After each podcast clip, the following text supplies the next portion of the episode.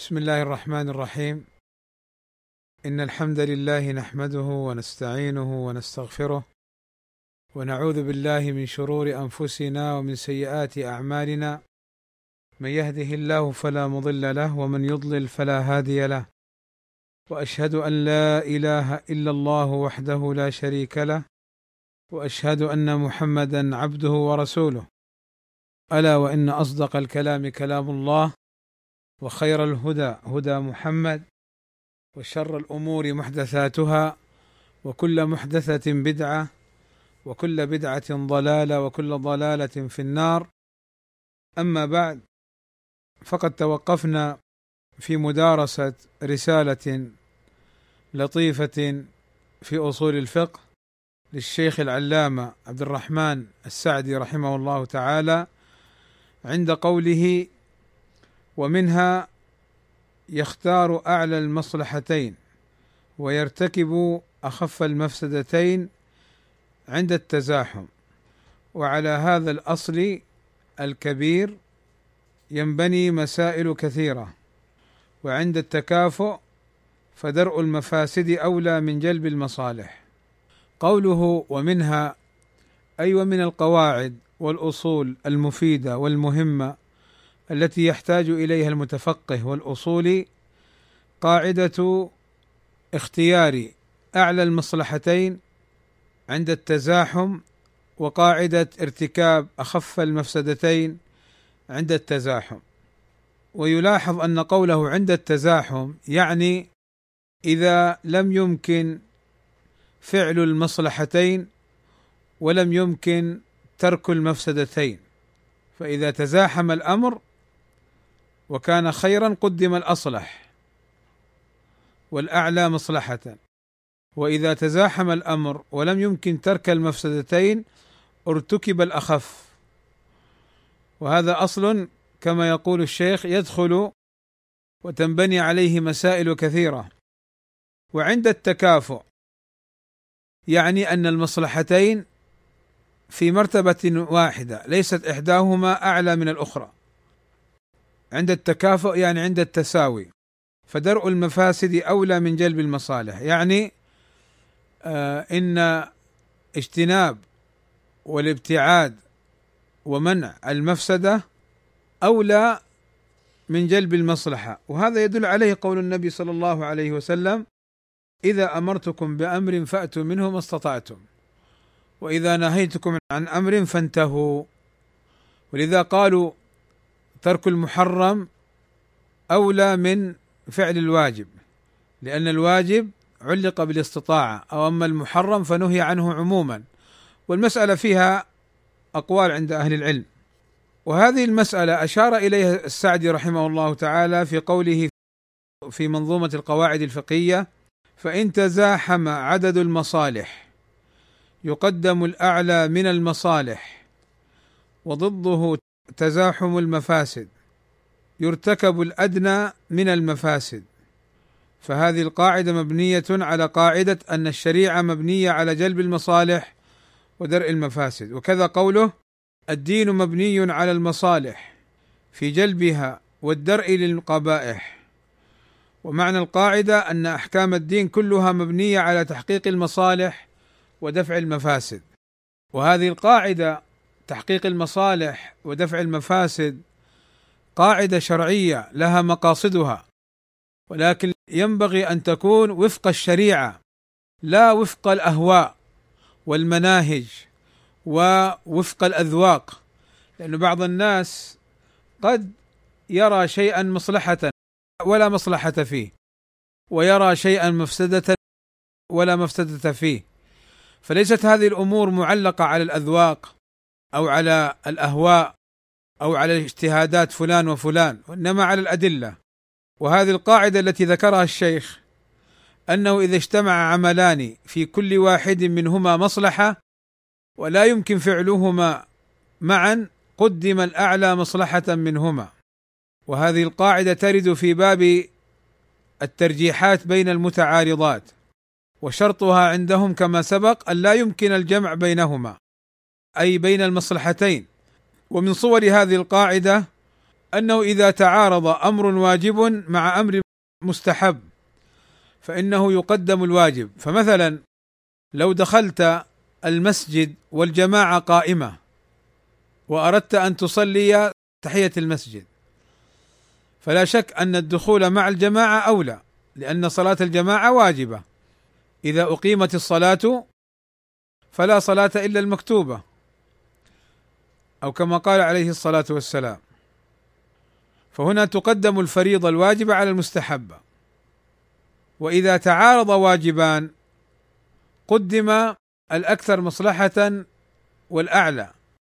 فلو أن إنسان عنده قضاء نذر أو عليه قضاء نذر وقضاء رمضان فإنه يقدم قضاء رمضان عند ضيق الوقت.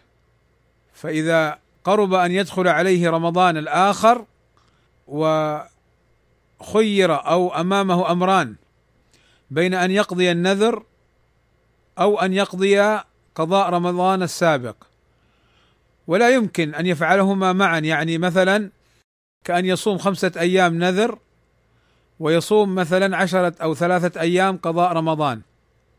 لا يمكن لأنه سيدخل عليه شهر رمضان. فهنا يقدم قضاء رمضان. وكذا في تعارض السنن من صورها تعارض السنن. فالسنن المؤكدة تقدم على السنن المجردة. مثاله لو أن إنسانا قبل أذان الفجر خير أو أراد أن يصلي الوتر أو أراد أن يصلي قيام ليل مطلق. ولا يوجد وقت كثير لأن الفجر سيؤذن. فهنا لا شك أن تقديم سنة الوتر المؤكدة أولى من سنة قيام الليل المطلقة لأنه إذا أذن الفجر لا وتر خلاص. ثم إنه بعد طلوع الشمس يخير بين أن يصليها 12 ركعة أو يصليها على صفتها. وأيضا يقدم ما نفعه متعدي على ما نفعه قاصر. النفع المتعدي يعني أن ينتفع هو وغيره. والنفع القاصر هو أن ينتفع هو لوحده.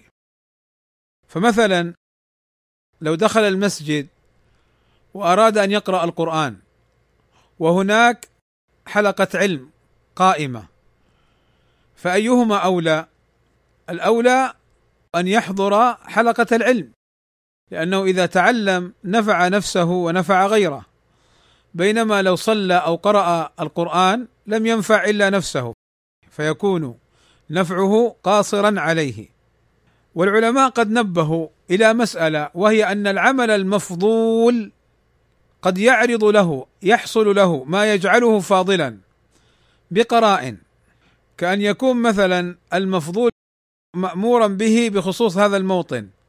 فلو أذن المؤذن وأراد المسلم أن يقرأ القرآن نقول له قراءة القرآن أعلى وأفضل من ترداد الأذان لأن الأذان أذكار وقراءة القرآن يعني فضله أو فضلها معروف. فهنا نقول له السنة جاءت بأن تقول مثل ما يقول المؤذن. فالأفضل في حقك أن تردد مع المؤذن لا أن تقرأ القرآن. طيب كيف هذا؟ نقول هذه مسألة أخرى بالأدلة.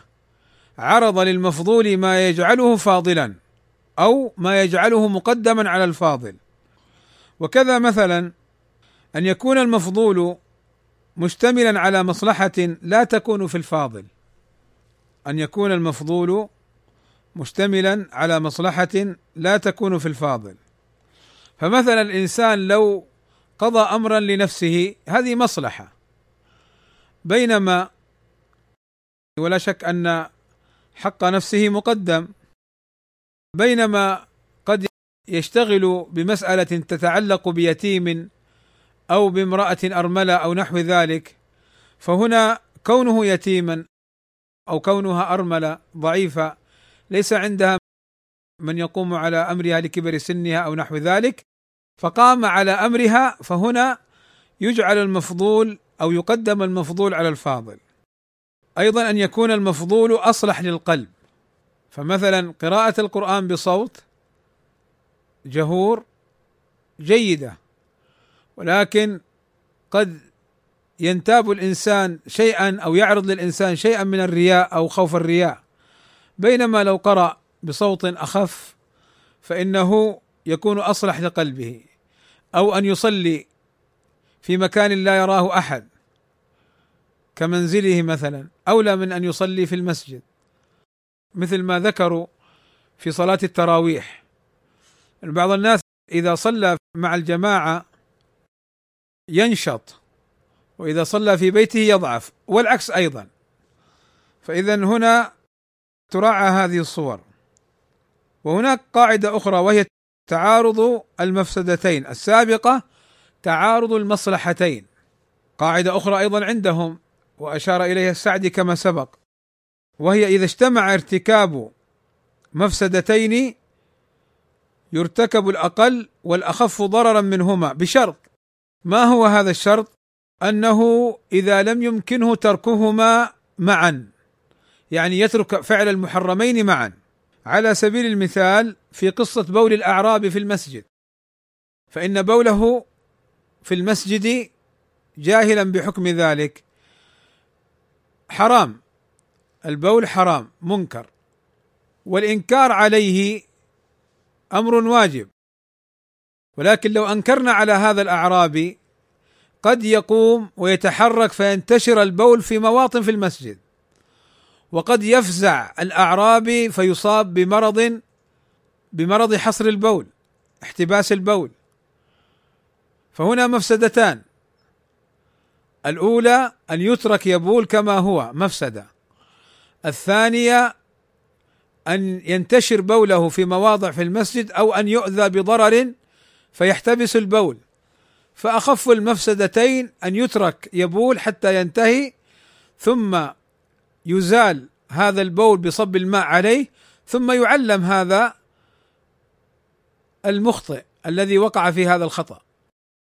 ومثال آخر أيضا إذا حصل الإنسان أو حصلت للإنسان مجاعة وأمامه ميته مجمع على تحريم أكلها.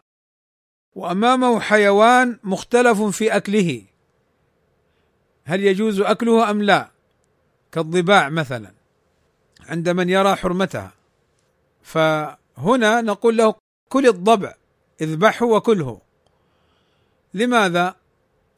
ارتكابا لأخف المفسدتين. لأنك لو أكلت الميت أكلت حراما يقينا. وإن كان مرخصا لك إن لم يوجد غيرها.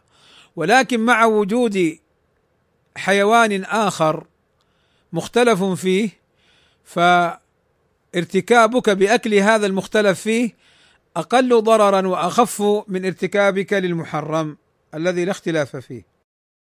وكذلك مما يدخل في هذا الباب تزاحم الوقوع في المكروهين.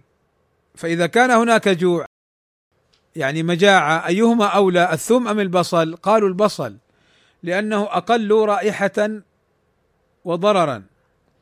فأكل الثوم والبصل ليس محرما. ولكنه كما وصفه النبي صلى الله عليه وسلم سماها بالشجرة الخبيثة يعني ذات الرائحة الكريهة. وكذلك تزاحم الوقوع بين أمر مكروه وأمر محرم. فلو خير الإنسان بين أن يأكل الميت أو أن يأكل الثوم أو البصل دفعا للمجاعة وخوف الهلاك يأكل الثوم والبصل لأنه مكروه ليس بمحرم وهذا واضح.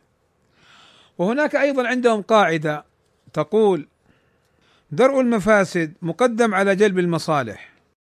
ومعنى القاعدة أنه إذا تعارض فعلان أحدهما يجلب مصلحة يحقق مصلحة ومنفعة. والآخر يدرأ مفسدة يعني يدفعها ويمنعها ويزيلها. فإن درء المفاسد شرعا مقدم على جلب المصالح. فالأدلة الشرعية دلت على ذلك.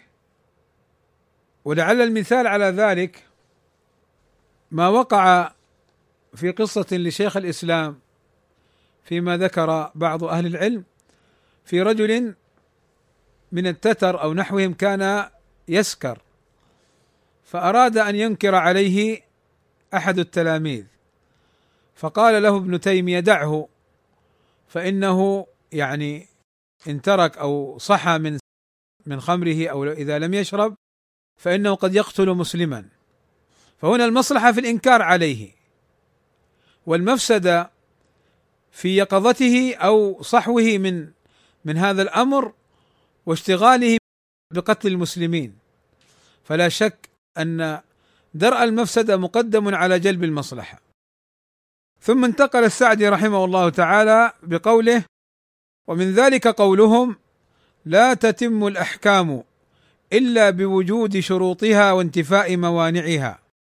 وهذا أصل كبير بني عليه من مسائل الأحكام وغيرها شيء كثير. فمتى فقد شرط العبادة أو المعاملة أو ثبوت الحقوق لم تصح ولم تثبت. وكذلك إذا وجد مانعها لم تصح ولم تنفذ. وشروط العبادات والمعاملات كل ما تتوقف صحتها عليها ويعرف ذلك بالتتبع والاستقراء الشرعي. وبأصل التتبع حصر الفقهاء فرائض العبادات وشروطها وواجباتها وكذلك شروط شروط المعاملات وموانعها. والحصر إثبات الحكم في المذكور ونفيه عما عداه فيستفاد من حصر الفقهاء شروط الأشياء وأمورها أن ما عداها لا يثبت له الحكم لا يثبت له الحكم المذكور. أقول هذا الأصل أو هذه الفائدة التي ذكرها الشيخ السعدي رحمه الله تعالى هو الذي أشار إليه في منظومة القواعد الفقهية بقوله ولا يتم الحكم حتى يجتمع كل الشروط والموانع ترتفع ومن أتى بما عليه من عمل قد استحق ما له على العمل. فالأحكام جمع حكم أي الحكم الشرعي تكليفا كالواجب والمستحب والحرام والمكروه والحلال أو كان وضعيا كالسبب والمانع والشرط والفساد والصحة. إذ الحكم لغة هو المنع والقضاء والحكم التكليفي اصطلاحا خطاب الشارع المتعلق بأفعال المكلفين من حيث الترك أو الفعل. والحكم الوضع اصطلاحا ما جعله الشارع علامات يعرف بها وجود الحكم التكليفي من أسباب وموانع وشروط وصحة وفساد. والشروط جمع شرط وهو لغة العلامة.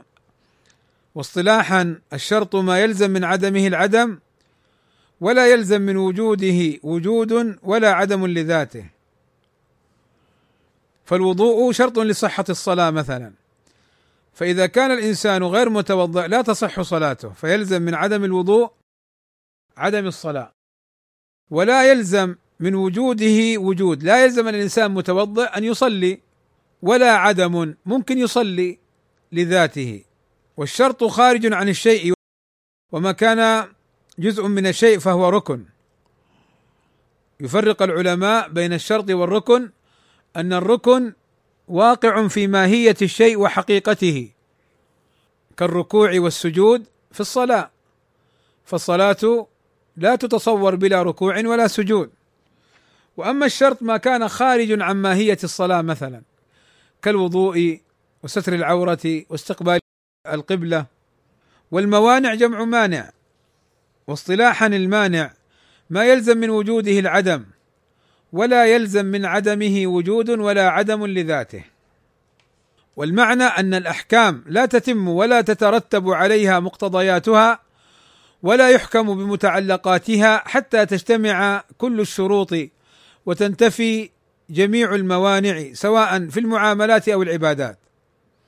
قال السعدي هذا أصل كبير وقاعدة عظيمة يحصل بها لمن حققها نفع عظيم.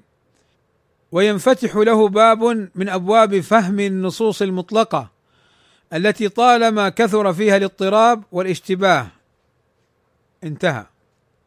هذا الأصل المذكور في هذه القواعد وهو أن الأحكام لا تتم ولا يترتب عليها مقتضياتها ولا يحكم بمتعلقاتها حتى تجتمع كل الشروط وتنتفي جميع الموانع.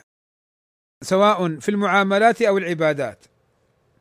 فالعبادات شروطها كلها شرعية وأما المعاملات فالشروط فيها على نوعين. شروط شرعية تشترط فيها كشرط العلم بالثمن والمثمن وكشرط مثلا كونه مباحا ومملوكا للبائع إلى آخره أو ماذونا له. وشروط وضعية وهي من المتعاقدين. فهذه يجب الوفاء بها. ما لم يكن الشرط يحل حراما أو يحرم حلالا.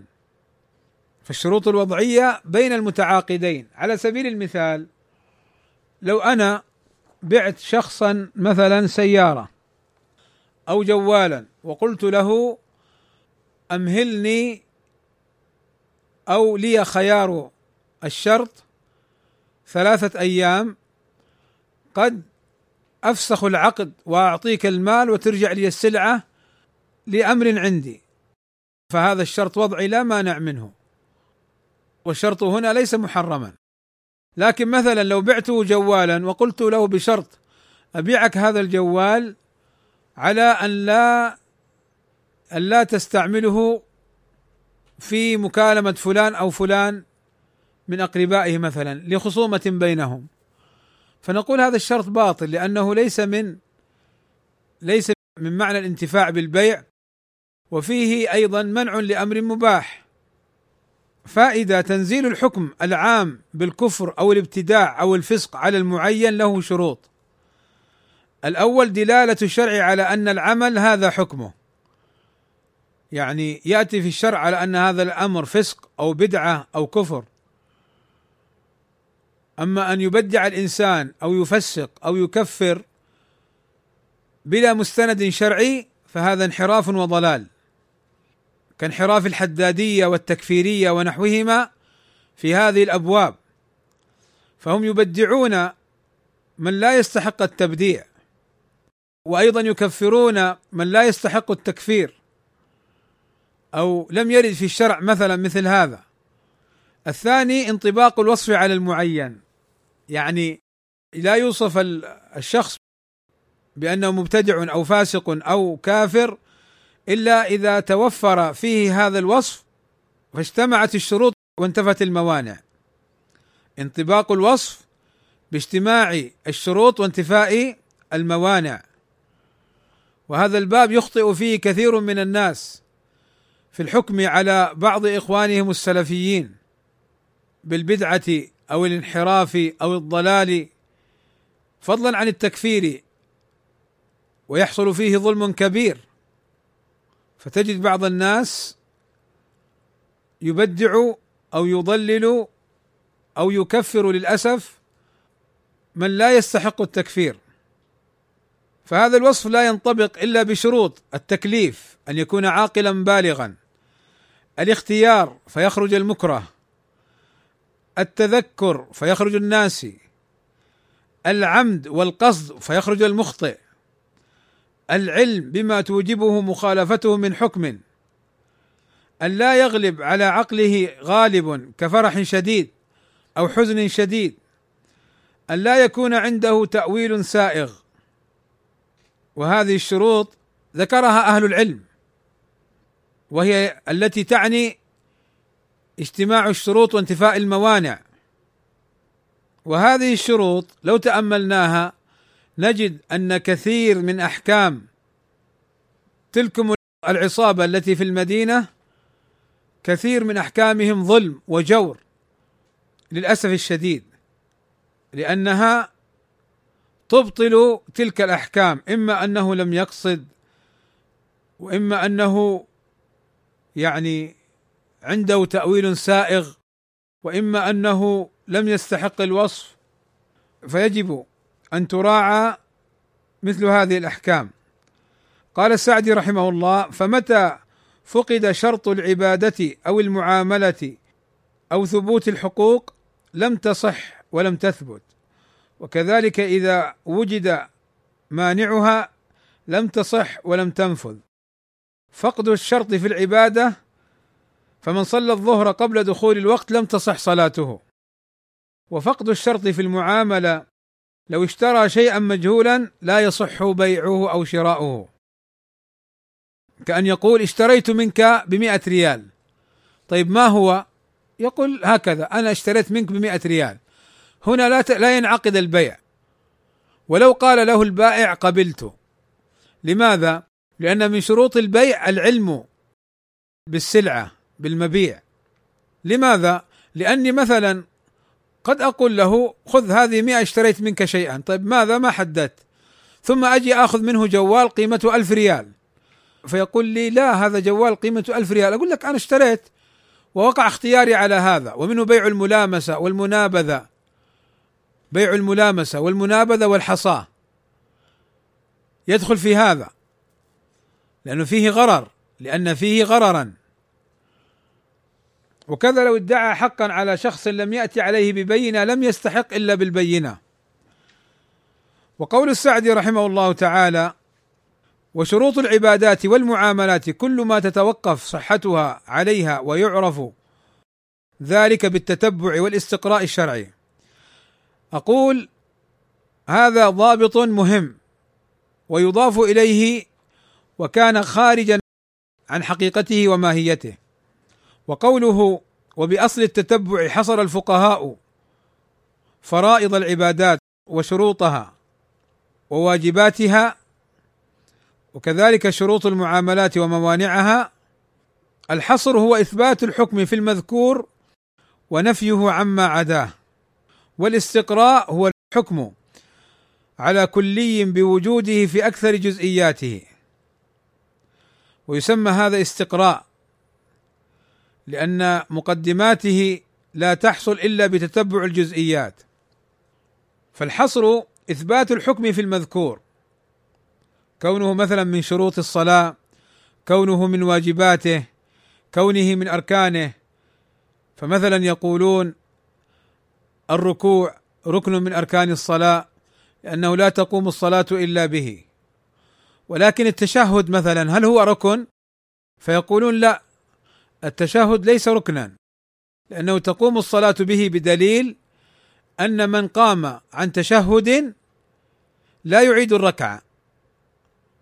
فهذا يسمى الحصر ويسمى أيضا بالاستقراء والتتبع.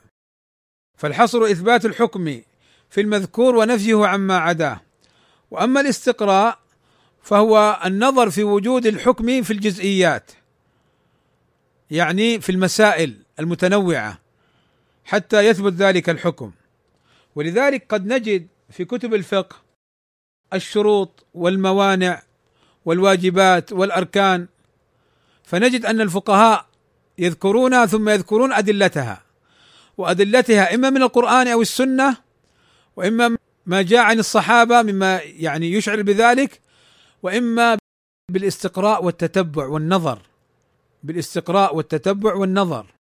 فيحكمون بلوازم الأمور ومتمماتها وما لا يتم إلا به وما لا تعلق له به نفيا واثباتا بمثل هذا الأمر.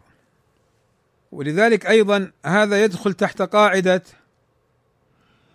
الحكم يدور مع علته ثبوتا وعدما. فقال الشيخ ومن ذلك قولهم الحكم يدور مع علته ثبوتا وعدما. فالعلل التامة التي يعلم أن الشارع رتب عليها الأحكام. متى وجدت؟ وجد الحكم ومتى فقدت؟ لم يثبت الحكم. وهذا ذكره السعدي في منظومته في القواعد الفقهية. وكل حكم دائر مع علته وهي التي قد أوجبت لشرعته. وهذه قاعدة أصولية. أن الحكم يدور مع علته وجودا وعدما. فمثلا على سبيل المثال في تحريم المخدرات والحبوب المسكرة ونحوها نقول الخمر حرم لأنه يذهب بالعقل ويغطيه وفيه أيضا أضرار جسيمة. وهذه العلة موجودة في المخدرات وفي الهروين وفي الحبوب المسكرة بل وفيها أشد من الخمر إذ أن المتعاطي للمخدرات وهذه الأمور قد تتلف حياته سريعا. بينما الخمر ربما يشربها لسنوات وهو لا يزال حيا. فهنا نقول هذه المخدرات حرام. لأن علة الخمر والإسكار فيها. طيب هل نأتي مثلا لبعض الأطعمة التي لا تغطي العقل مثل النبيذ إذا كان لم يشتد وأيامه الأولى؟ هل نقول أنه خمر ويغطي العقل أو كالخمر؟ نقول لا من شرب النبيذ قبل اشتداده والنبيذ نوع من أنواع الأشربة. يعني يوضع في الماء شيء من الفواكه أو الزبيب أو نحو ذلك ويغطى ثم يشرب في اليوم الأول أو الثاني أو الثالث. ما لم تشتد حرارته فإذا اشتد حرارته وشرب منه الكثير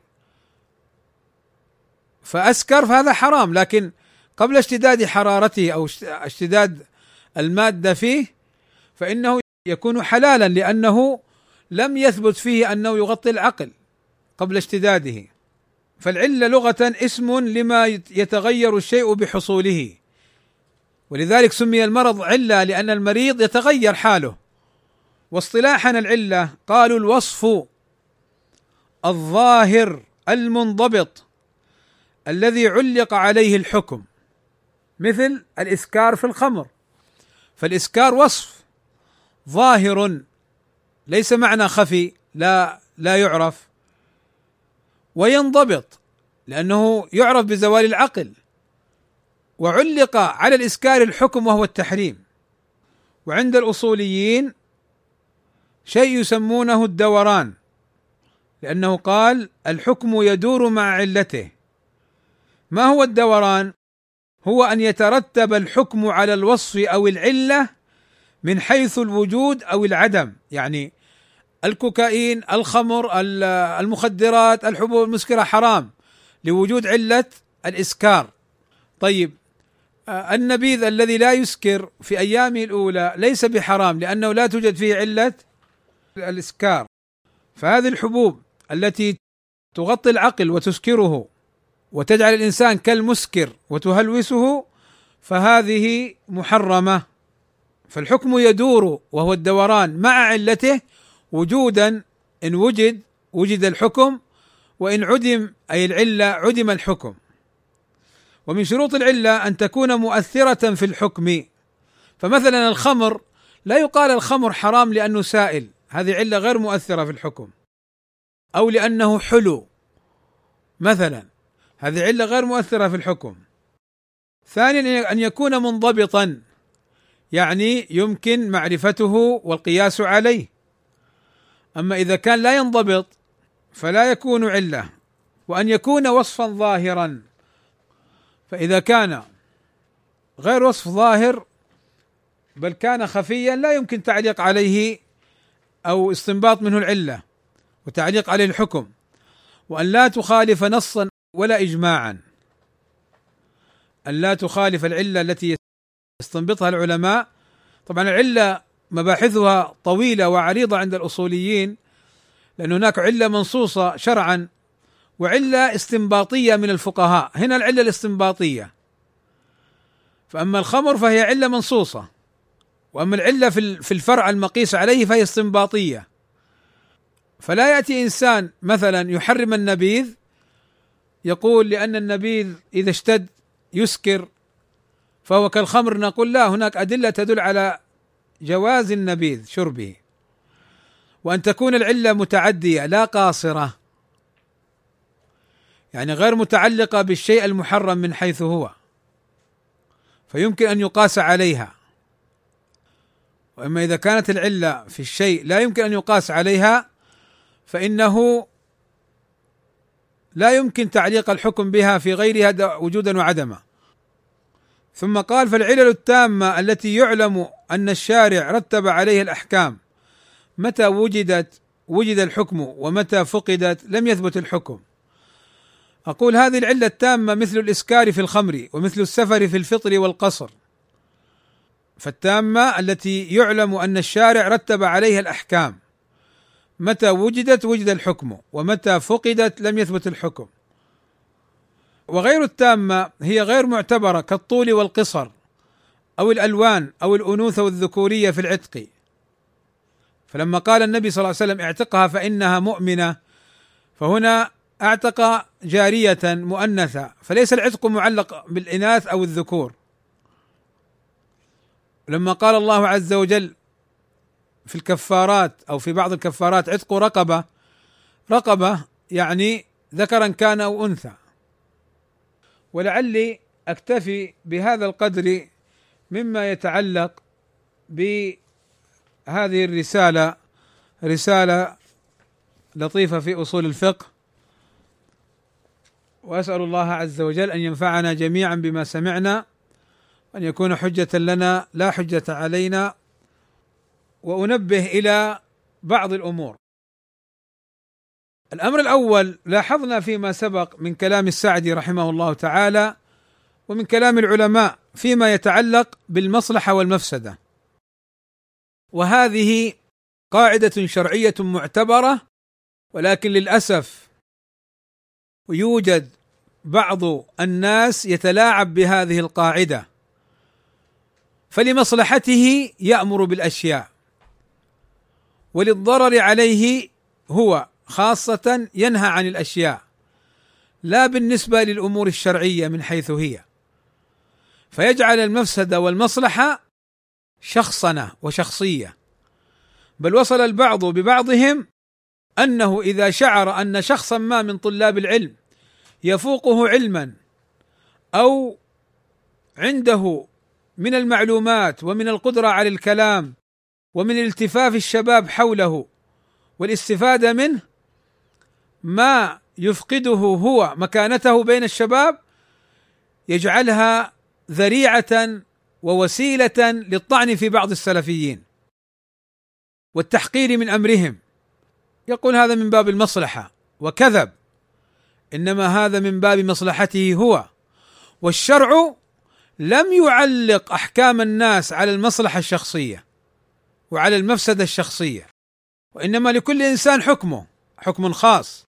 واما المصالح العامة والمفاسد العامة فلها أحكامها وهذا باب خطير ومزلق وخيم وقع فيه كما سبق بعض السلفيين من طلاب العلم وبعض المتصدرين من المدرسين فيستعمل الكذب ويستعمل الفجور في الخصومة والظلم الابرياء فلما يحقق معه لماذا تتكلم؟ لماذا كذا؟ لماذا فعلت كذا؟ قال يا أخي من باب المصلحة فلان يعني رأينا أنه يعني يفعل ويفعل، طيب هذا الذي يفعل ويفعل من الخير ليس شرا. فكيف أنت تعلق هذه الأمور بهذه القاعدة الشرعية التي استعملتها وحرفتها عن معناها الأصلي؟ ولذلك للأسف يا إخواني انتبهوا انتبهوا لمثل هذه الأمور. كثير من الشباب يغتر بأن يعني قائل هذا الكلام من العلماء الأكابر من كذا من كذا. نعم نحن نحترم العلماء الأكابر. ولكن لا كبير على الحق. ولكن لا كبير مع الظلم. ولا كبير مع الظالم. هل أنت سلفي؟ فتقدم الباطل على الحق. هل أنت سلفي؟ فتظلم الأبرياء وتعين المنحرفين على الصادقين. هل أنت سلفي محقق لمعنى السلفية؟ هل سلفيتك صادقة كاملة؟ أم أنها مزعزعة ومتلاعبة؟ نعم نحتاج أن نسأل أنفسنا هذا السؤال في مثل هذه الأحوال. هل أنت سلفي فتقيم الفتنة بين السلفيين لشخص بينك وبينه عداوة فتبدع من معه وتضلل من معه ولو كان سلفيا صادقا على الحق وتثني وتمدح من كان ضده ويخالفه ولو كان منحرفا أو كان جاهلا متعالما وكان على الباطل هل أنت سلفي صادق في سلفيتك؟ ما هذا التلاعب بالمنهج السلفي؟ نحن نحتاج أن نسأل أنفسنا هذا السؤال وأن نقف مع أنفسنا هذه الوقفة الصادقة والله إن كثيرا من الفتن سببها التلاعب بالمنهج السلفي. سببها هو أن هذا السالك والفاعل لهذه الأمور لم يسلك في الحقيقة المسلك السلفي. هذا الأمر الأول. وأما الأمر الثاني إخواني بارك الله فيكم فهو ما مر معنا من توفر الأمور الشروط وانتفاء الموانع. فللأسف بعض السلفيين بعض السلفيين يعني قد يدخلون في أمور قبل وجود الشروط وانتفاء الموانع ويصدرون الأحكام ويصدرون الأوامر بل ويبدعون ويضللون ويدخلون في هذه المزالق. والله يا فلان كيف تقع في هذا؟ قال قال فلان الأكابر يا أخي انتبه أنت تقول أنا سلفي. ما معنى أنا سلفي؟ أنت لم تقل أنا شيخي. أنت لم تقل أنا أكابري. أنت لم تقل أنا متعصب أو عصبي. أنت لم تقل أنا مقلد أنت تقول أنت سلفي أنا سلفي. فهل أنت سلفي؟ حين تعلق الحق بالأشخاص أو بالأكابر من حيث هم إن السلفي يعلق الحق بالكتاب والسنة وما كان عليه السلف الأمة. إن السلفي يتمسك بالحق من حيث هو. إن السلفي لا يتعصب للأشخاص. ولذلك هناك كلمة جميلة جدا للشيخ ابن باز رحمه الله تعالى يعني كما يقال جسد المشكلة أو أوضح المشكلة وبين المنهج الحق. فقال رحمه الله تعالى قال شيخنا ابن باز رحمه الله تعالى لا عبرة عند الله بأهل التقليد الأعمى ولا بأهل التعصب ولا بأهل الجهل وإنما الميزان عند الله لمن أخذ بالدليل واحتج بالدليل وأراد الحق بدليله. لاحظ. وأراد الحق بدليله. هذا هو الذي يعتبر في الميزان ويرجع إلى قوله أي إلى الحق وإلى العالم الذي أخذ بالدليل.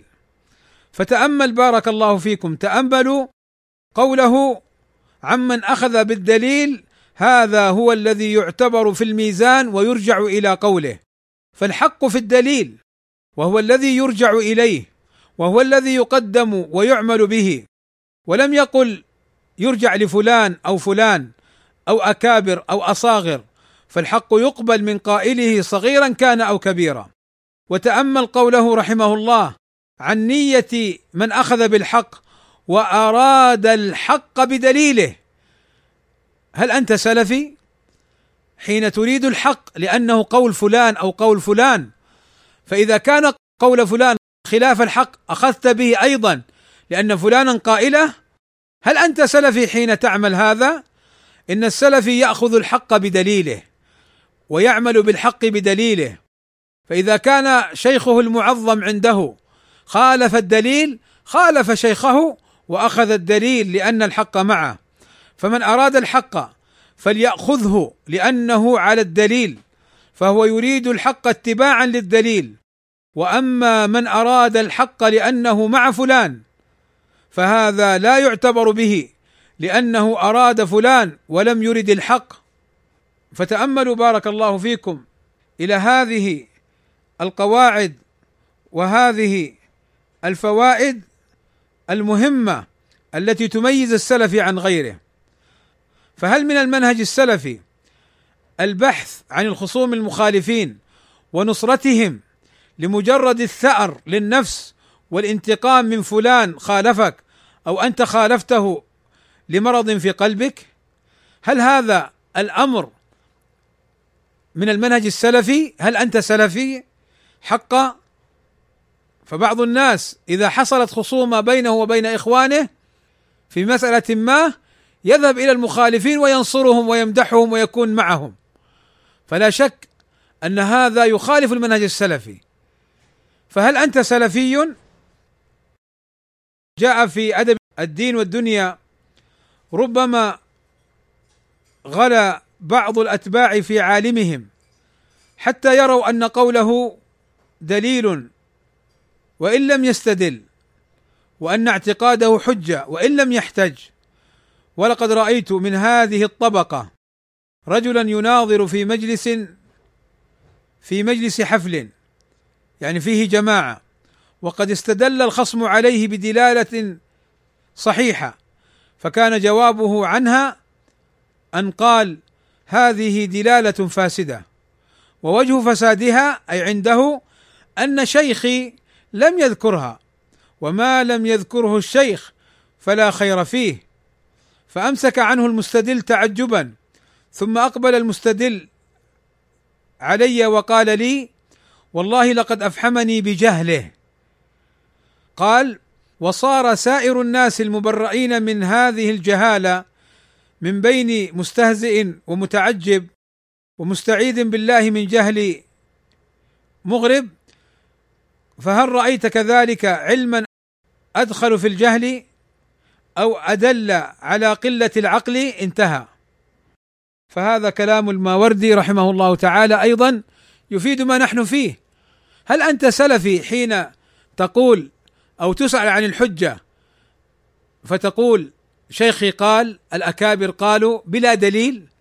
بينما يأتيك الشخص الآخر بالأدلة فتردها لقول فلان أو فلان هل أنت سلفي؟ يا إخواني الرجوع إلى الأكابر منهج سلفي. ولكن هؤلاء حرفوا معنى الرجوع إلى الأكابر. الرجوع إلى الأكابر معناه الرجوع للحق الذي معهم. الرجوع إلى الأكابر معناه الاستفادة منهم عند عدم وجود الدليل لا من باب الإلزام بقولهم إلا ما كان حجة بالدليل. أما هؤلاء جعلوا الرجوع إلى الأكابر هو الدليل. وجعلوا الرجوع إلى الدليل طعن في الأكابر. هل أنت سلفي في هذا المنهج أم خلفي؟ هل أنت طالب علم في هذا المسلك أم جاهل متعلم؟ اتقوا الله في دين الله عز وجل اتقوا الله في السلفية. بارك الله فيكم. ومن هذا الباب ما سألني عنه بعض إخواني حيث قال هل قاعدة أن السلفي إذا أخطأ تحفظ كرامته ويرد خطأه خاصة بالعلماء أم هي عامة لكل سلفي؟ الجواب كالتالي: الخطأ من السلف دون قصد بدعة أو مخالفة لا يلزم منه تبديعه انتبهوا وهذا خلاف منهج هؤلاء المفسدين الذين هم حول بعض المشايخ. فإذا أرادوا أن يضللوا وأن يردوا على من يخالفهم بدعوه لأخطائه وهذا بدعة حدادية. فهنا نقول نعم كل سلفي إن أخطأ لا يبدع ما لم يقصد ويتعمد البدعة ويصر على بدعته. أما مجرد الخطأ فليس بدعة. وأما إن قصد بتحفظ كرامته بمعنى لا يعاتب ويثرب عليه فهنا أقول لك فيه تفصيل.